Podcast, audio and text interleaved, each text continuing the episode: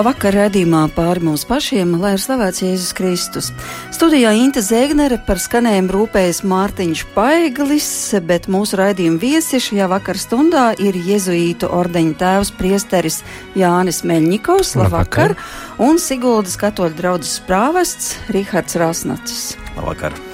Šo turpmāko stundu mēs veltīsim pāvesta Franciska gaidāmajai vizītei Baltijas valstīs, iepazīstot labāk viņu kā personību, arī viņu pagātni pirms stāšanās amatā, bet vēl jo svarīgāk pāvesta vēstījumu mūsdienu pasaulē šodien. Kādas tad problēmas viņš saskata un kāpēc viņš tik drosmīgi arī par tām runā, gan nostājoties pret mafiju, gan atmaskojot korupciju un kāds varētu būt pāvesta vēstījums Baltijai, jo arī, kā mēs zinām, tomēr katrai valstī ir savas problēmas, ir savi izaicinājumi un, protams, ir arī savi sapņi. Eh, tas nemaz nav tik sen. 2013. gada 13. martā, paceļoties balto dūmu zīmē virs Siksta kapelas, tika paziņots jaunā pāvesta vārds - Buenos Aireses arhibīskaps Jorge Mario Bergoglio kurš, piekrītot pāvesta kalpojumam, pieņēma vārdu Francisks. Un, protams, ka tūlīt arī visā pasaulē mēdīji īpaši pievērsās šai personībai, kas gan ir šis garīdznieks no Latvijas Amerikas, kāda ir viņa darbība baznīcā, ko viņš ir paveicis. Un mani pārsteidza toreiz divas lietas. Vispirms tās zinātņu jomas, kurās tagadējais pāvests ir iedziļinājies un studējis. Tātad ķīmija, literatūra, psiholoģija, filozofija un teoloģija. Un vienlaikus tas viņā apvienojas ar vienkāršību un īpašām rūpēm par nabagiem. Un vēl kāds fakts, ka Jorge Mario Bergoglio toreiz bija ordinēts kā jezuītu priesteris, tātad piederīgs jezuītu ordenim, un tāpēc es vispirms gribu vaicāt jums, Jāni, kas tad ir raksturīgs jezuītiem, un vai tas, ka viņš ir jezuīts, ir atstājis kaut kādu iespaidu arī viņa pāvesta darbībā šobrīd? Man tā pilnīgi, ja godīgi šķiet, ka pilnīgi noteikti ir atstājis, jo viss tas, kas tiek darīts, ko ko Francisks dara šobrīd e, savā kalpošanā, tas, tad, nu, tas ir tipiski jezuītisks pieejams. Nu, kas principā. piemēram? Uh, es nākot uz šejienu arī par sevi tā, tā doma interesanti. Kas kā tas ir kopīgs, nākas, ja? kas ir kopīgs? Kā tas nākas, kad, piemēram, uh, tās lietas, ko viņš raksta Amors Litīcija dokumentu par ģimeni, kad risina, un sakot, ka ir lietas, kuras ir jāatstāja cilvēku sirdsapziņai, un tev ir jāizglīto, jā, formē šī sirdsapziņa, lai cilvēks varētu brīvi, apzināti pieņemt lēmumus savā dzīvē un, un adekvāti atbildēt uz šiem lēmumiem, izdzīvojot to savā dzīvē. Un tas apgalvojums pats par sevi ir ļoti jezuītisks. Kāpēc es to dikti uzsveru? Jo man arī bijuši šeit Latvijā tāda pieredze, kad kaut ko tādu pateikt, tas ir tā kā apgrēcība bez maz, vai kā tas var būt. Ir jābūt 2 plus 2, 4 un viss, tur nedrīkst būt nekādu domāšanas procesa, brīvības tajā visā, kad kristietība pie mums Latvijā ir baigi tāda dzelžos iekalta kaut kāda lieta, bet tā tas nebūtu nav. Nu, tas priekšstats, protams, ne visiem tāds ir, bet man tā šķiet tā, tā brīvība, ar kuru Francisks pieeja šīm lietām un, un uzsver to um, savu neatkarību arī kristīgajā lēmumu pieņemšanā tajā, kā es izdzīvoju savu dzīvi, Tas ir ļoti ignāciski, jezuītisks e, savā ziņā. Nu, vienmēr sakot, tas, ko viņš māca ar šiem dokumentiem un vispār ar savu darbību, ir uh, izšķiršanās kas ir būtisks jēdziens, termins jezuītu tādā formācijas izglītošanās procesā iz, izšķirt lietas, izdarīt izvēles um, savā dzīvē, un, un tas, man liekas, tas lielais uzsver, kas principā lielā mērā baznīcā, katoļu baznīcā ir, uh, viņš ir, pamatu pamatos viņš ir, bet bieži vien tas tik ļoti apaudzis ar visu ko citu, ka to neredz, ka tas ir tas nu, centrālais tajā visā vēstī. Un šajā ziņā man šķiet Francisks ir, ir uh, īpašs un jezuītisks tikti. Bet viņš jau bija arī diezgan revolucionārs tad, kad stājās amatā. Proti, parādījās uzreiz ļoti daudz neparastu lietu, kas raksturoja tieši pāvestu Francisku. Vai jūs varat mazliet atgādināt, kas tās bija par izmaiņām, kas notika Vatikānā līdz ar pāvestu Francisku parādīšanos? Viņš nozīmēja vienu priesteri par atbildīgo par nabagiem. Uh, Tad viņa rūpes par nabagiem uh, tas, es domāju, ir, ir pamanīts uzreiz, un viņš izsludināja žēlsirdības gadu, um, kur atkal runā par žēlsirdības darbiem, un tie ir gan tādi garīgie žēlsirdības darbi, gan tīri praktiski. Un, uh, tas caurvīja, liekas, visas viņa vizītes. Viņš visur vēlās satikties arī ar, ar tiem cilvēkiem, kas uh, cieš, kuriem ir grūti. Redzam arī uh, viņa tādu iestāšanos par uh, bēgļiem, no kuriem visi grib atkritīties vaļā. Bet, viņš saka, mums ir jāizrāda viesmīlība. Tā, tā, tur noteikti varētu vēl ļoti daudzas lietas pieminēt. Tādas ļoti praktiskas lietas, kā piemēram, tā, kad viņš stājās amatā, ļoti simboliski, vismaz tā visi uztvēr to baigi simboliski, kad viņš tā vietā, lai sēstos tronī, viņu, viņu nolika vienā līmenī uz grīdas, vienmēr sakot to viņa krēslu, vai ne, tas nebija pacelts kaut kur augš, augšu, augšu pa kapu kāpnēm, kad būtu jākāp vai kaut kas tam līdzīgi, kas jau eh, sagādā pār. Tas, ka viņš no, no ievēlēšanas brauc prom uz savu, uz savu eh, numuriņu vai kā lai saka viesnīcā kopā ar pārējiem kardināliem, kas netipiski, jo kā jebkura augsta amata persona, ko ievēl, ne viņi uzreiz apsardze un, un limuzīnas un viss kaut kas, bet viņš nē, paga, paga, man šitien ir kolēģi, brāļi, vai kā lai nosaucies, es ar viņiem aiziešu. Ne? Nu, tādas ļoti, ļoti mazītiņas, it kā lietiņas, bet kas uzreiz atstāja milzīgu iespaidu nu, cilvēku tādā apziņā, vai kad viņš vienā brīdī aizgāja, lai samaksātu par, par savu uzturēšanos tajā viesnīcā. Jau eh, būdams viņš, pāvests? Jau kā pāvests ir fotografijas, kur viņš aiziet pie, eh, pie tā galda, kur, kur pieņem cilvēkus, kad viesnīcās ienāk, vai ne, un kā viņš noreikinās. Es gan nezinu, kur viņam bija nauda, ne, bet, bet principā Baltā savā tērpā viņš aiziet, lai noreikinātu, lai savāktu, ko viņam jāsavas. Lai gan viņš, viņš tāpatās nepaliek pāvesta apartamentos, eh, um, pāvesta apartamentus, bet tajā viesnīcā, kur viņš bija kā, kā kardināls pirms ievēlēšanas vēl. Es nezinu, vai pamainīja citu numuriņu um, vai kā, bet, bet vienmēr sakot, ka nevis tajos oficiālajos um, apartamentos, bet uh, viesnīcā kopā ar citiem, kas varbūt tās ceļo cauri tai viesnīcai un tā tālāk. Nu, tādi ļoti mazītiņi, bet simboliski, jo principā jāsaka, bet ko pāvests var radikāli izmainīt. Viņa status viņu neatļauj jau vairāk tādas milzīgi radikālas savā ziņā, gribas teikt, lietas. Tu nevar atteikties no apsardzes. Nu, tas ir par sarežģīti viņa gadījumā. Ko te viņš var izdarīt? Viņš tāds simbolisks, it kā mazus žestiņus, bet kas eh, rada arī tādu kopēju atmosfēru pavisam citādu, to iespēju pavisam ne?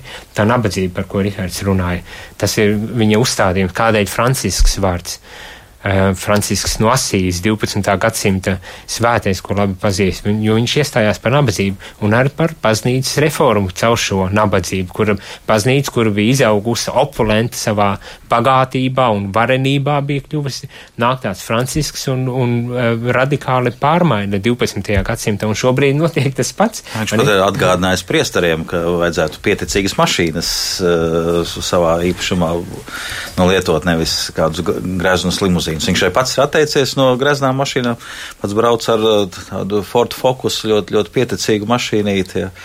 Pats arī sēž pie stūres? Nē, tāds vairs nesēž pie stūres, jā, bet, uh, bet tas, ka nu, viņam nav vajadzīgs kaut kāds ļoti luksus auto, bet tas vienkārši ir pārvietošanās līdzeklis, nevis statusa kāda lieta. Es esmu lasījusi tādus rakstus par Svētās Martas māju, 201. istabu, kur, -hmm. kur viņš dzīvo, un ka tur gvards, kas šveiciešu gvards, kas, protams, ir norīkots apsargāt to istabiņu, viņam tas pēc statusa, pēc amata un pēc pienākuma viņam tur ir jābūt, un ka viņš no rīta iziet un ierauga, ka tas puisis, šis gvards stāv kājās, viņš viņam jautā, dēls, vai tu tiešām te nostāvēji visu nakti kājās? Un viņš saka, jā, jo tāds ir viņa pienākums. Un tad viņš iznes no savas istabas krēslu un saka, nu tad apsēdies, bet uh, Gvārds negrib apsēsties, jo vien, vienkārši viņam tas atkal to viņš nedrīkst darīt, bet pāvis saka, sēdies lūdzu, un, un iznes viņam vēl maizītes. Nu tā tad viņš lauž kaut kādus, varbūt arī tradīcijās iesakņojušos uh, stereotipus par to, kā būtu jāapkalpo pāvests vai jārūpējas par pāvestu. Es zinu, tur arī lasīju tādu epizodi par liftu, ka viņam saka, nē, nē, nē, jūs viens nedrīkstat braukt liftā, un viņš saka, bet kāpēc nē? Es māku rīkoties, esiet droši, es nobraukšu tajā liftā uz leju. Tātad kaut kādas tradīcijas arī viņš vēlas atmest tieši tās, kuras attiecās uz viņa paša komfortu. No to ceremonialitāti tādu varbūt tās atmest visu tādu lieko, kas kas eh, bija piekopts tradicionāli, vai ne, atdodot to godu, kas eh, pāvestam it kā pienāktos. Viņam tas šķiet, nu, tāpatās kā mašīna atsaks, viņš, nu, man nevajag tāda veida godu, prieš kam eh, tādas. Bet es teiktu, ka tas tā ir iešana līdz laikam, jo, nu, agrāk tāda pat ceremonialitāte bija ne tikai baznīcā, arī laicīgajā dzīvē, vienalga skolā ar kādu pietātu vajadzēja izturēties pret skolas direktoru vai pret skolotāju, ka vecākus uz jūsu uzrunāja. Nu, un bieži vien domā, nu, ka baznīcai bū, jābūt iestrēgušai no 19. gadsimtā, un tāpēc kaut kā tās baznīcas reformas uzskata par kaut ko sensacionālu, lai gan īstenībā nu, reformas ir bijušas visās jomās. Nu, cilvēku savstarpējās attiecības ir mainījušās. Un tas, ka mēs redzam, ka arī pāvests uh, nu, tā, redz šo laikmetu un vēlās runāt eh, šim laikmetam atbilstošā valodā, es domāju, tas ir tikai normāli. Mums arī nevajadzētu nu, domāt, ka baznīcai noteikti jābūt stagnātiskai. Nē, viņa tāpat kā jebkura cita joma attīstās. Saku, izglītībā cilvēku savstarpējās attiecības mainās, vienalga valsts uh, iestādēs. Uh, nu, Joprojām arī ir valsts iestādes, kuri ļoti pretim nākoši cilvēki mums Latvijā, un ir arī, kuri ir, tas skatās no, no augšas. No augšas, jā. Un, nu, vienā vietā ir teiksim, tā, gājuši laikam līdzi un pielāgojušies tam jaunajam attiecību modelim, kāds valdas ar cilvēkiem, citu vietu nav. Tas pats droši vien arī baznīcā. Ir tas, atsevišķi vai garīdznieki vai kādas iestādes, kuras nu, nepielāgojās šim laikmetam un ir tie, kuri nu, cenšas uzrunāt tā, kā nu, mūsdienu cilvēks to, to jūt un redz. Un man pilnīgi gribas piekrist Rihardam tādā ziņā, ka uh, Francisku pasniedz kā milzīgi revolucionāru viņa attiecībās. Principā uh, Latīņa Amerikai tas, ko viņš dara, tas nav nekas revolucionārs, tas nav nekas jauns. Tas ir tas kristietības veids, izdzīvojot šo kristietību tieši šādā veidā. Priekš mums, mēs, mēs kā it īpaši ziemeļa eiropieši, vai ne, ļoti rezervēti. Mēs neapskausim, neskūpsīsim nevienu, mēs būsim formāli un tā. Viņam tas nav, bet eh, viņam kultūrālā veidā jau pavisam citādāk veidotās attiecības. Tad līdz ar to, nu, to arī visi tas jāņem vērā ir, vai ne, ka, ka viņš no citas, eh, gribas pat teikt, planētas, vai ne, no tā nākot no Latīņa Amerikas, vai ne, ka tas ja, nu, ir tik dažādi. Katram no pāvestam ir savs stils bijis, kurus ņem vērā viņa to, jā, gan no tas iepriekšējo darbību, no tas to jomu, kurā viņš ir īpaši specializējies. Tiksim, pāvis, Pāvils VI. Viņš bija pedagogs. Tāpēc ar viņa darbos varēja just to, ka nu, tie ir tādi pedagoģiski, tie visi apustuliskie pamudinājumi, kas ir bijuši. Tad uh, uh, nu, Jānis Pāvils II. Viņš bija filozofs. Un to var just, ka viņš ir filozofijas profesors, pārkāpjot cerības slieksni vai jebkuru citu kādu grāmatu, grāmatu. vai, vai mm. kādu encikliku. Un tur var, es, var just šo filozofa domu gājienu. Ja. Benedikts 16. protams, teologs. Un ļoti teoloģiskas tās domas un arī tie darbi, ko viņš rakstīs, tie tiešām teoloģiski. Ne tik daudz filozofisks, bet teoloģiski. Nu, un tad nu, uh, Francisks ir ļoti pastorāls. Uh, viņš darbojās, man liekas, vienreiz kaut kāda maza meitene viņam jautāja, vai jums patīk būt par pāvestu. Un viņš teica, jā, man patīk būt par uh, pāvestu ar prāvesta piegājienu. Kaut kā tā viņš teica, ka. Uh, Nu, kā, kā uz vietas esot draudzē, jābūt prāvestam ar tādu pastorālu piegājienu, rūpēm par visiem. Tā viņš arī savā pāvesta darbībā. Un tas tiešām ir viņš ļoti pastorāls. Tātad tas vārds pastorāls nenozīmē to, ko mūzikā pastorāle, lauku aina, bet kaut ko mazliet citu. jā, laikam kāds arī darbojās radio klasikā. ja, tad pastorāls tās ir rūpes par cilvēkiem. Jā, tas ir par savu darbs, tas ir garīgās aprūpes darbs, varētu tā teikt. Jā. Kā garīgi uh, aprūpēt uh, visus. Un uh, viņa pirmais šis apskats pamudinājums evaņģēlīja prieks. Tas ir ļoti tāds pastorāls, ļoti praktisks dokuments, kur viņš saka, jā, tie, ir tādas vadlīnijas baznīcas attīstībai nākamajiem gadiem. Nu, kas ir tad galvenās vadlīnijas, uz ko viņš vērš uzmanību? Ka um, baznīcai ir jābūt kopienai un arī no, atvērtai uz, uz visu sabiedrību. Un tur viņš runā par ļoti daudziem momentiem, kā, kā evanģelizēt, kā to evaņģēlīju prieku nevis apslāpēt, bet eh, ļaut tam iet plašumā. Un eh, ka tam jābūt visā baznīcā, ka to nevar nu, vai tikai atsevišķos klosteros, vai tikai kādās atsevišķās kopienās, bet ka jābūt tam pieejamam visiem. Uh, nu, Tur varētu atsevišķu raidījumu taisīt par evaņģēlīju. Prieku mēs tādu draudzē katru sestdienu kopīgi lasām un, un, un skatāmies ar komentāriem un iepazīstam pāvesta mācību. Tādējādi arī nu, gatavojamies pāvesta vizītei, lai labāk saprastu nu, teiks, tā, to viņa stilu. Uh, Jo tur var tiešām redzēt, kādus uh, epitetus viņš izvēlās.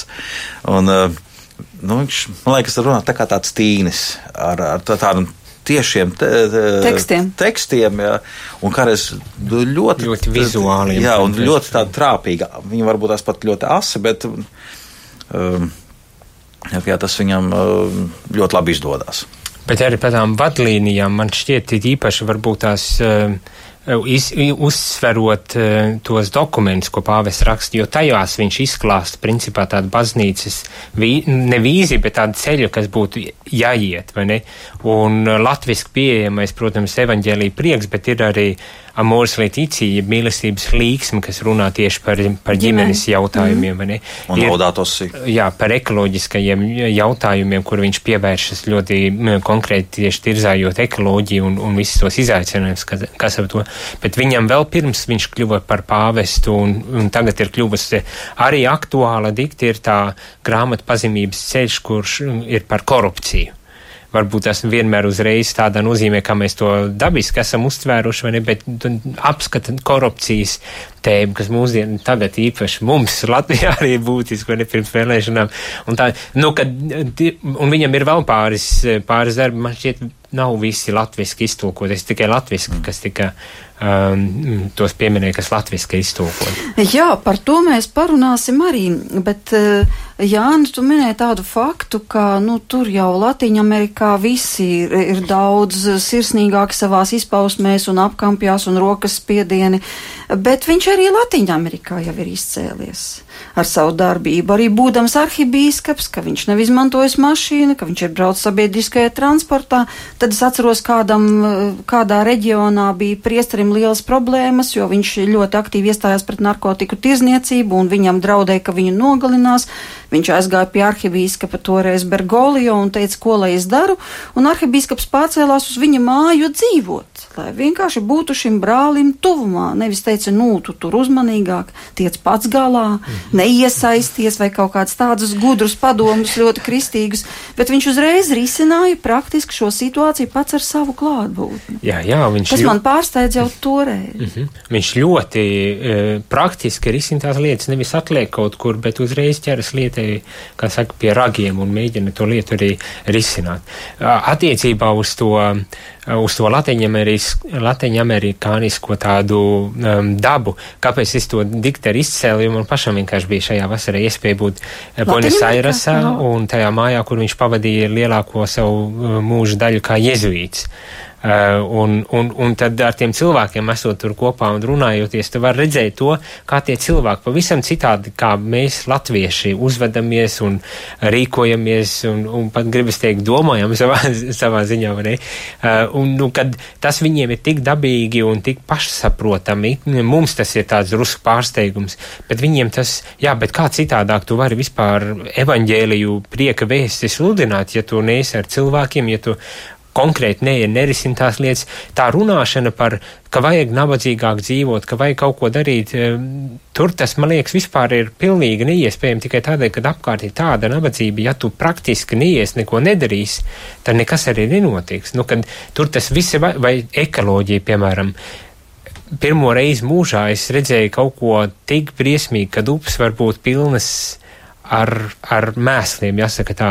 Un, un tad es tā piesies padomu, jā, nu, tagad man skaidrs, kāpēc Francisks runā tik ļoti par ekoloģiju, piemēram, es uzsveru, jo apkārt valda tāds hauss un bardaks un netīrība, ka tur var redzēt, kā daba ļoti burtiskā veidā tiek piesārņota, vai ne? Bet, nu, vienmēr sakot, tā vide, kurā viņš ir audzis, tur, manuprāt, ir formējusi viņu ļoti mm, konkrētos veidos. Un tagad mēs redzam, ka tas ne tikai viņa jezuītiskā formācija, kas uh, cauri katrai vīlei spiežas, bet arī tā kultūras formācija, kurā viņš ir audzis, ka tas arī ir. Un kā Rihards jau noraidīja, tas jau arī ne tādā ziņā, ka tas būtu labāk vai sliktāk, tas ir citādāk. Un mums tagad ir iespēja baznīcas bagātību, uh, kur līdz šim nebija tik labi novērtēta, kā Latīņa Amerika vesela, tagad piedzīvot to un paņemt to labāko arī no, no šīs uh, baznīcas daļas. Bet viņam pašam ir itāļu saknes. Nu, viņam, jā, viņš kā no emigrantu ģimenes, iespējams tādēļ viņš arī par emigrāciju tik ļoti e, kaislīgi runā, kad ir jābūt atvērtiem, ka nedrīkst atstumt un noraidīt, jo viņa paša ģimene bija emigranti pārceļojot uz Argentīnu. Pats viņš gan tur ir dzimis, tur audzis, visa viņa uh, izglītība, viss tur ir noticis. Tad līdz ar to, uh, lai arī ir tās saknes, tomēr viņš ir pilnīgs argentīnietis. Mm. Interesanti, ka pāvests Francisks katoļu baznīcas vēsturē ir pirmais pārstāvs no Latīņa Amerikas, nekad vēl neviens no turienes nav bijis bet viņš arī ir pirmais ne Eiropietis, kam baznīcas vadība pēdējo tūkstošu gadu laikā ir uzticējis šādu amatu, jo iepriekšējais ne Eiropietis bija 8. gadsimtā, kas sēdās uh, svētajā krēslā. Un tas bija Sīrijā dzimis Georgs III. Tā izlasīja gudrās grāmatās. Jā, jā tieši tā. Un tieši tā. Uh, viņš arī ir trešais pāvests pēc kārtas, kas nav itālis. Tas arī ir interesanti, ka pilnīgi kaut kāda. Un, Jā, kad un baznīca aizvien atveras vairāk un vairāk, ka vairāk nav fokusēts tikai uz Itāliju un, un, un, un Vatikāna birokrātisku aparātu, no kā tiek izvēlēts, bet arī tā līdzdalība baznīcas hierarhijā aizvien paplašinās.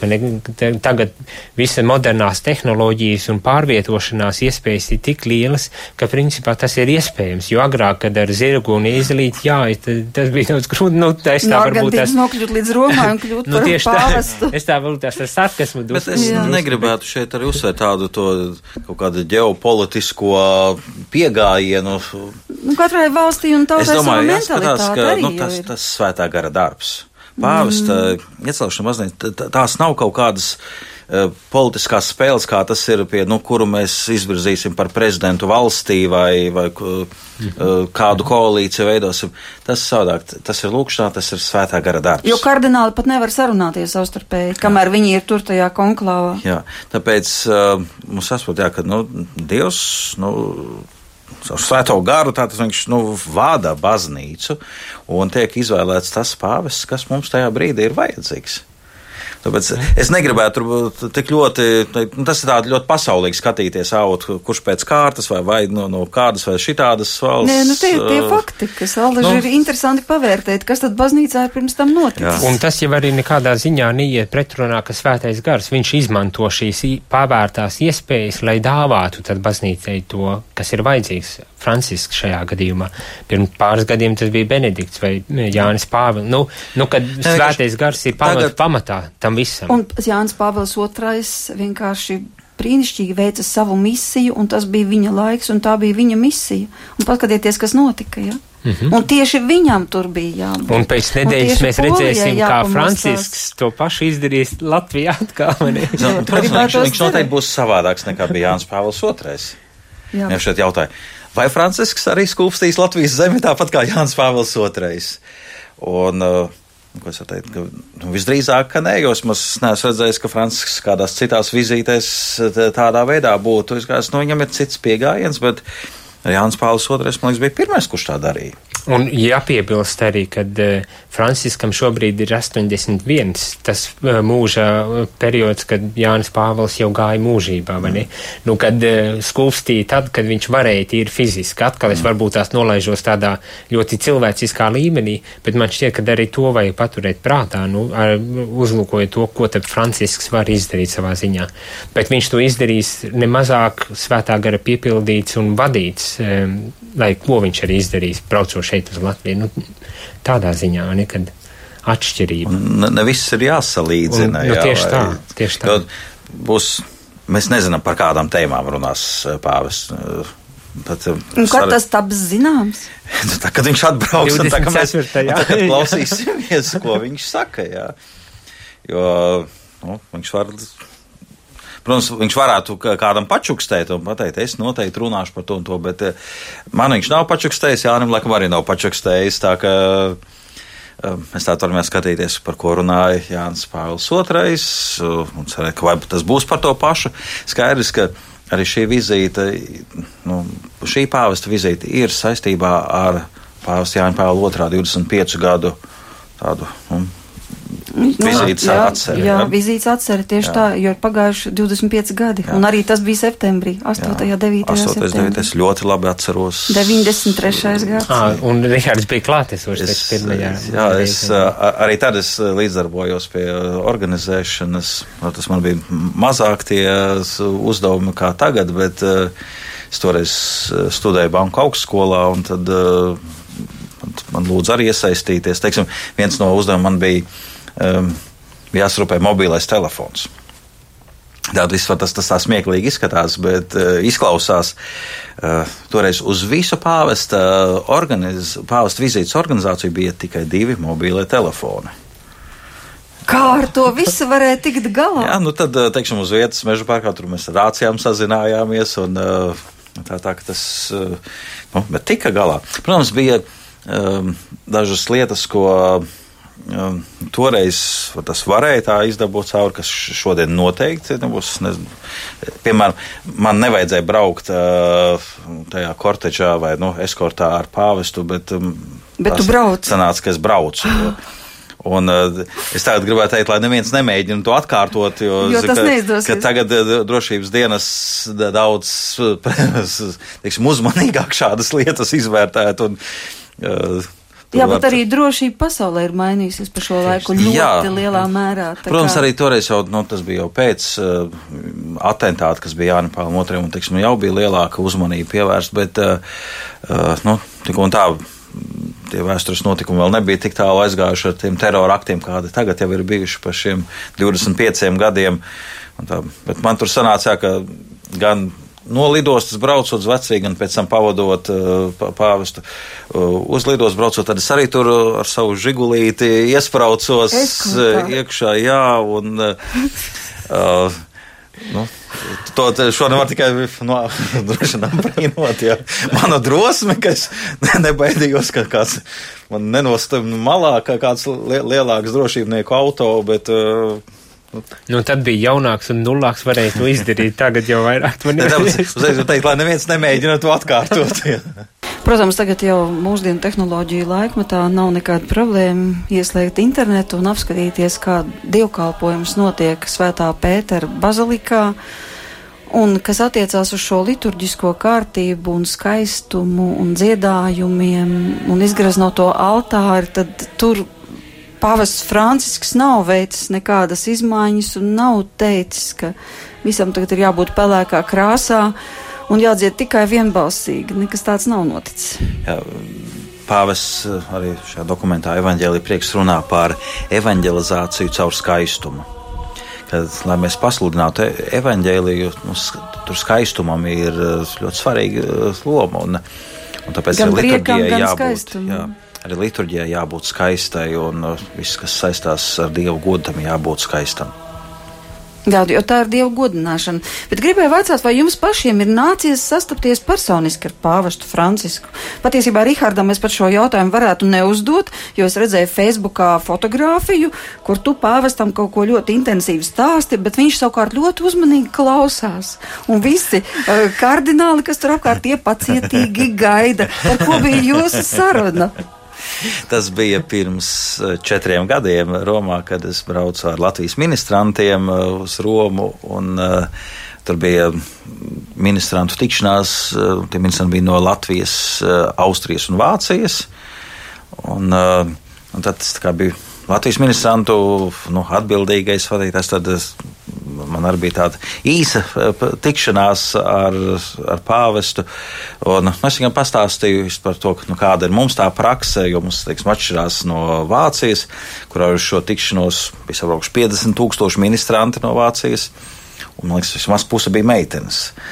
Nu, mums Latvijā pie altāra kalpo tikai uh, puiši, un es viņam nu, stāstīju, ka mums tā, liekas, ka tas ir labs veids, kā nu, arī nu, gatavot nu, potenciālos priesturus, kad tieši pie altāra eh, kalpojot, nu, zēnes iepazīst aicinājumu. Dažkārt tā notiek. Jā. Jā. Bet es runāju ar viņu angliski, un es jūtu, ka es visu līdz galam, man liekas, viņš uh, neuztver. Var tas arī tāpēc, ka. Un tad tu bija... brīvi pārgāji uz spāņu valodu. jo tur diezgan daudz ar viņu tikās, un tad tas, viņš jau bija piekusis visu klausīties, bet tā varētu būt, ka tā angļu valoda viņam nav tik, uh, tik, tik brīva. Ja? Bet toties fotografija, tev ir vienkārši izcila vēsturiska. Nu, es viņam vēl šajā te varu apstīt, es uh, tur es arī uzdāvināju vēl Latvijas karodziņu, un man liekas, atšķirs tā draudzes vēstulē, ko mēs izdevām.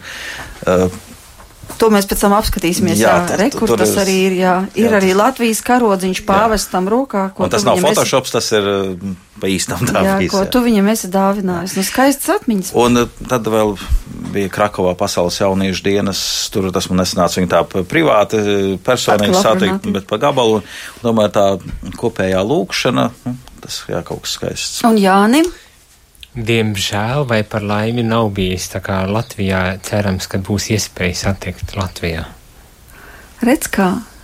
No. Neraugoties pat uz to, ka tu pārstāv jēzuītu ordeni un viņš ir bijušais jēzuīts, ja, ja, var, ja vis, vispār bijušie jēzuīti eksistē, jo tā formācija jau viņš ir izgājis. Formācija ir izgājis un tas ir tā kā uz mūžu, tad ir, eh, tu esi noformējies un, lai gan formāli laikam skaitas, kad, nu, kad tev ieceļ jau bīskap kārtā, ka tu tās Nedrīkst attiecības vairs, nav jā. tādas, mm. tādas pašas, bet, bet viņā es saku, tas veids, kā viņš darbojas, tas, kā viņš runā, kā viņš uzvedas, kā viņš tas domu gājiens, ko dokumentos var redzēt, tas ir tik, tik ļoti piesātināts ar to uh, jezvītisko mm. piegājienu, kad, kad man ka šķiet, būs par ko parunāt. Nav, un jāsaka tā, ka viņš parasti uz valstīm, kur viņš brauc, viņš sastopas ar jezvītiem privātā tādā tikšanās. Bieži vien viņš dodas pie iezītiem uz mājām kaut kur.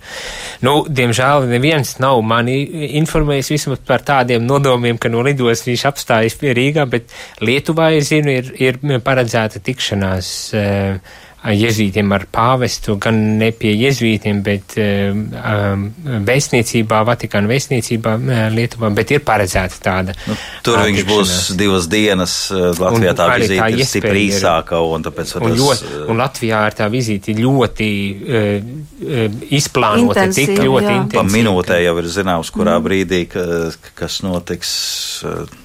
Nu, pastāstiet par vizīti Latvijā iezīmējiet mums tās aprises. Skaidrs, ka tas ir 24. septembris, Jā, tā, tad lidmašīna nolaižas. 8.20 nolaižās lidmašīna Rīgas lidostā, tur ir īsti tāda sagaidīšanas ceremonija, tad uh, pēc tam pāvis dodās uz Rīgas pili, kur uh, ir arī vēl oficiālā sasveicināšanās ar prezidentu, un tur viņš uzrunās Rīgas pilī, tātad uzrunās sabiedrības pārstāvis. Um, pēc tam, uh, jā, un to starp citu varēs uh, vērot arī cilvēki, varēs atnākt pie, pie Rīgas pils, būs iespējams vērot šo sagaidīšanas ceremoniju. Tur būs arī ekrāns, uz kuru varēs uh, skatīties arī to, kas notiek iekšā Rīgas pilī. Un, tā, mēs aicinām visus izmantot to iespēju, kas nebrauc uz Aglonu, tad tie varēs arī klātienē redzēt pāvis šeit Rīgā. Bet, ja kurā gadījumā būs arī tiešraides, gan Latvijas rādio, gan arī Latvijas televīzijā, tā kā jā, arī tie, kas būs LSMLV varēs tā, jā, noteikti, varēs, jā. LMT straume rādīs, un tā, ka tas viss būs arī digitālais platformās. Un es domāju, tas būs īpaši svarīgi tiem, kas ar autobusiem vai ar mašīnām brauc uz Aglonu, lai viņi varētu sekot līdzi tam, kas notiek. Jā, nu jā ko viņi Rīgā jā. nevar redzēt. Bet, ja runājam Pēc, par... Jā, tā ātri pateikšu, tā Tātad pēc eh, Rīgas pils pāvis dodas pie Rīgas pieminekļa noliks ziedus, un tur viņam tāda iztikšanās ar Latvijas ģimeņu pārstāvjiem. Tad uh, ar papamobīli no brīvības pieminekļa pāvests dodas uz uh, Doma baznīcu, kur būs ekumeniskā tikšanās. Pēc tās arī ar papamobīli pāvests dodas uz Svētā Jēkaba katedrāli, kur viņam ir tikšanās ar senioriem, ar vecākās paudzes cilvēkiem. Un pēc tam būs pusdienas, bet to vairs nerādīs un netranslēs nu, tiešraidē. Jā, mm -hmm. vai atpūta, un tad viņš dodas uz Aglonu. Aglonā ierašanās ir apmēram ap četriem, un puspiecos jau sāksies svētā mise. Un pēc svētās mises Īsumā pavisam ātri viņš dodas ar helikopteru uz, uh, uz Lietuvu, kur viņš nakšņos. Tad viņš pat nenakšņo Latvijā. Uh, un pēc tam no Lietuvas atkal no rīta viņš dosies uz Tallinu. Lietuvai ir ticis visvairāk šīs visas apustuliskās vizītes sakarā, jo Lietuvā ir divas dienas, un mums ir tikai viena diena, un Lietuvā viņš nakšņo. Es arī saku, tā ir tāda netaisnība. Jā, kaut ko vajadzētu to, to labot. Bet kas šajā dienā notiek Aglonā? Jo labi, tie, kas būs aizbraukuši uz Aglonu, viņi varēs vērot ekrānā vai ska skatīties televīzijā vai klausīties radio, bet pašā Aglonā taču noteikti arī tiek gaidīts gaidīts pāvests, un ne jau tajos pulkstens četros, kad nolaidīsies viņa helikopters, bet visas dienas garumā. Jā. Vai ir kaut kas par to zināms? Jā, ir zināms, tur būs kaut kas unikāls, proti, būs Aglons diamāts svētbilde tiks noņemta no tās vietas, kur viņa atrodas uh, visu laiku un būs tāda procesija, gājiens pa sakrālo laukumu. Tas vēl pirms pāvas būs. Jā, tas būs pulksten vienos dienā, nu, nu īsti pēc pulksten vieniem dienā. Tāpēc ir vērts noteikti braukt ātrāk un uh, būt arī tādā nu, īpašā notikumā, jo iepriekšējo reizi šī Aglons Dievmātes svētbilde tika noņemta pirms 25 gadiem uz Pāvesta Jāņa Pāvila otrā vizīte. Un vispār tā ir tikai sestā reize, kad tā, eh, šī svētglezna tiek izņemta. Manuprāt, es ko tādu dzirdēju, bet baidos, protams, izplatīt baumas. Nu, varētu arī tā būt, jā. Un turklāt man tā šķiet, ka Aglonā varēs vērot visus Rīgā notiekošos pasākumus ar pāvestu Aglonas laukumā, jo tur būs ar ekrāni, un tad es tā saprotu, ka translēs, Jā. lai cilvēki, kas ir ātrāk ieradušies, lai varētu sekot līdzi pāri. Lai viņam nebūtu žēl, šeit. ka viņi ne, ne, nebija Rīgā, ja, ka viņi no Rīgas brauca uz Aglonu, un tad, lai viņi tomēr arī redzētu, kas, kas arī Rīgā tajā brīdī notiek. Tātad Aglonas dievmāts svētglezna pulksten vienos tiks vienos procesijā, 15. nu, ap vieniem, tātad procesijā tiks nesta pa sakrālo Jā. laukumu, nu, kas ir tiešām ļoti sen nepieredzēts. Līdz ar to varēs viņu redzēt tādu nu, tuvumā, pavisam tuvumā. Savu acu augstumā, jo parasti mm. tad jāskatās ļoti uz augšu, jā, tikai no apakšas varam redzēt, mm. un tad varēs redzēt nedaudz tuvāk kā tas ir. Kas vēl notiks Aglonā? Tur būs arī vēl divas dokumentālās filmas, viena tieši par Aglonas dievmātu, otra par pāvestu arī tiks strādīta. Tad būs arī roža kroņa lūkšana Būs iespēja arī pirms tam iet pie grēku sūdzes, būs priesteri, kas uzklausa uh, grēku sūdzes. Tātad patiesībā svētki visas dienas garumā. Jā, jā. Un kā tad īsti ir ar ielūgumiem? Jo skaidrs, ka bija nepieciešama akreditēšanās, katrā ziņā tika lūgts, lai internetā tik nosūtīti dati, lai cilvēki varētu ielastie, ierasties sakrālajā laukumā. Akreditēšanās nu, skaidrs, žurnālisti parasti tā saka, jā, jā un nu, tā mēs sakam, jā, tādi ielūgumi, pieejas kartes. Ielūgumi, um, un tas bija tāpēc, lai varētu plānot loģistiku. Tas mm. nozīmē, mums jāzina, cik vajadzēs uh, teiksim, stāvvietas autobusiem, eh, privātiem transportam, eh, kā novirzīt šo transporta plūsmu, apmēram varētu paredzēt, no kuras puses cik daudz eh, to dalībnieku būs. Tad arī mēs jāzina, cik tās pašas toaletes uzstādīt, lai. Tas tāds praktisks jā, lietas. Tā, tad tīri infrastruktūru nodrošināt. Bet ko tad darīt tiem, kas nepaguva pieteikties ielūgumiem, vai arī saprat, ka tas ir sarežģīti to visu kārtot un tam Mēs ar līdzīgi? to reiķināmies, ka būs tādi, kas nebūs uh, pieregistrējušies, un tāpēc tomēr tā infrastruktūra ir gatavota uz daudz lielāku dalībnieku skaitu, tāpēc var droši braukt. Pat ja jums nav Pat, ja kartes, droši brauc tikai lūgums braukt laicīgi. Jo, lai ieietu bazilikas sakrālajā laukumā, kur notiks dievkalpojums, būs drošības kontrole. Pārbaudīs somas, un vai arī man nav kaut kādas aizliegtas eh, lietas, nu, kāds eh, liels nazis vai vēl kaut kas cits, kas var apdraudēt eh, drošību. Lietu sargus ņemt nedrīkst. Jā, arī lietu sargi nevar būt selfie, tie stiki. Kāti, mhm. Tad uh, nu, savus dronus, protams, nevar ņemt līdzi, lai tur filmētu, jo liekas, tāds skats būtu, jā, bet uh, to pat necenšaties uh, darīt. Jā. Um, Stikla traukus nevar ņemt uh, līdzi, jo nu, tas arī var ļoti ātri kļūt par ieroci, jā, tāpēc tas ir bīstams. Bet uh, plasmas, uh, ūdens pudeli var ņemt līdzi, un arī ēdienu var ņemt. Ir pat paredzēts laiks, kad uh, būs. Uh, nu, Nebūs jākaunās, ka tagad es pakluso ēdu par savu maizīti. Jā, tā, tad, jā. tajā programmā ir pat paredzēts, uh, brīdis, kad Vienlaikus, būs iespēja savus maizītes te, apēst. mēs te vairāk tā, uz tādām praktiskākām lietām pēkšņi pārgājām, un tomēr vai būs arī kādas ēdināšanas vietas, ja runa ir par aglonu, jo tomēr tik daudz tūkstoši tur būs sabraukuši? Um, Vai tikai no savām maizītēm tad cilvēkiem ir aicinājums pārtikt? Varbūt jā, nezinu, jo es esmu vairāk atbildīgs organizatoriski par Rīgu, un uh, to aglonas uh, tik detalizēti es tādu nemāku pateikt. Un es arī nemācīšu teikt, bet es esmu pilnīgi pārliecināts, ka būs. Tā problēma, kas varētu rasties, ir tā, ka visa ēdināšanas pieejamība būs ārpus e, teritorijas. Kad, līdz ar to e, tie cilvēki, kam vajadzēs, viņiem būs jāiegāj- jāiegādājas ārpus vai jāpēd ārpus. Nu jā, Kad tas jau pašā tāds- laukumā jā. nebūs. Un Jā. tā lieta ir, man tā šķiet, kad ienāk laukumā, vairāk nevar iziet ārā līdz beidzas viss. Bet pats galvenais ir tas, ka pat ja nav ieejas kartes, tad tas nesu, nenozīmē, ka nedrīkst doties, bet doties drīkst un Un nebūs vajag, tā, jā. ka laidīs tikai tos, kam ir šis ielūgums Jā, rokā, bet ir aicināts ik Eh, viens, kurš Tikai vēlas. arī drošības pēc paņemiet eh, personu apliecinošu dokumentu. Jā, nu, Var gadīties, ka arī jā. to jautā, tāpēc tam būtu jābūt līdzi. Um, bet, uh, un, jā, nu, tie ir praktiski vēl nu, savs kāds beņķīts vai krēsliņš nodarēt, jo diezgan ilgu laiku tur jāatrodās uz laukuma, un tur visiem nevar nodrošināt, ja, teiksim, simt tūkstoši cilvēku atbrauc, mums nav tik daudz krēslu. Vēl 30 sekundžu rādījusā. Vai varat pateikt, vai Rīgā, eh, kamēr pāvests uzturēsies Doma baznīcā, Jēkab katedrālē, Vecrīgā, būs kādi pārvietošanās ierobežojumi, vai arī cilvēki brīvi varēs pārvietoties? Tātad t- tieši vizītes laikā, kamēr pāvests šeit būs, uh, ir tām ierobežota satiksme, tas būs pie Vecrīgas. Nu, tā satiksme, bet cilvēki gājēji. Cilvēki visur varēs iet, un arī būs uh, norobežojumi, kur, teiksim, nu, tieši brauks pāvests, tad tur būs barjeras, lai varētu sveikt pāvestu, un lai gadījumā neuzglužās virsū pā, pašam pāvestam. Mm -hmm. Nu, Bet jā. uh, noteikti nākat sagaidīt pāvestu gan pie brīvības pieminekļa, gan Doma laukumā būs lielais ekrāns visu dienu. Tad arī Doma laukumā varēs redzēt to, kas notiek Aglonā. Un arī pie brīvības pieminekļa varēs redzēt uh, uz ekrāna visu, kas notiek gan Rīgā, gan arī Aglonā. Skaisti, un visbeidzot gribu vaicāt, ko jūs paši visvairāk sagaidāt no pāvesta vizītes?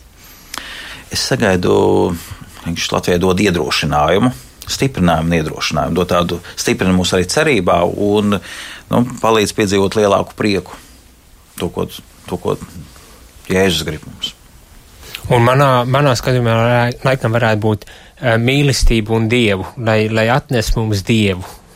Vienmēr sakot, lai atklāj mums dievu. Tas varbūt tās tā abstrakti izklausās, bet ja, ja mēs apliecinam, ka pāvests ir tā kā dieva vietnieks uz zemes, tad lūk, lai nes mums, lai atklāj viņš mums dievu. Kā Jēzus. Pēteram teica, ka nevis miesa un asins tev to atklāja, bet mans tēvs, kas ir debesīs. Un, ka Pēterim un arī Pētera pēctecim ir īpaša misija, jā, viņam ir tā īpaša atklāsme.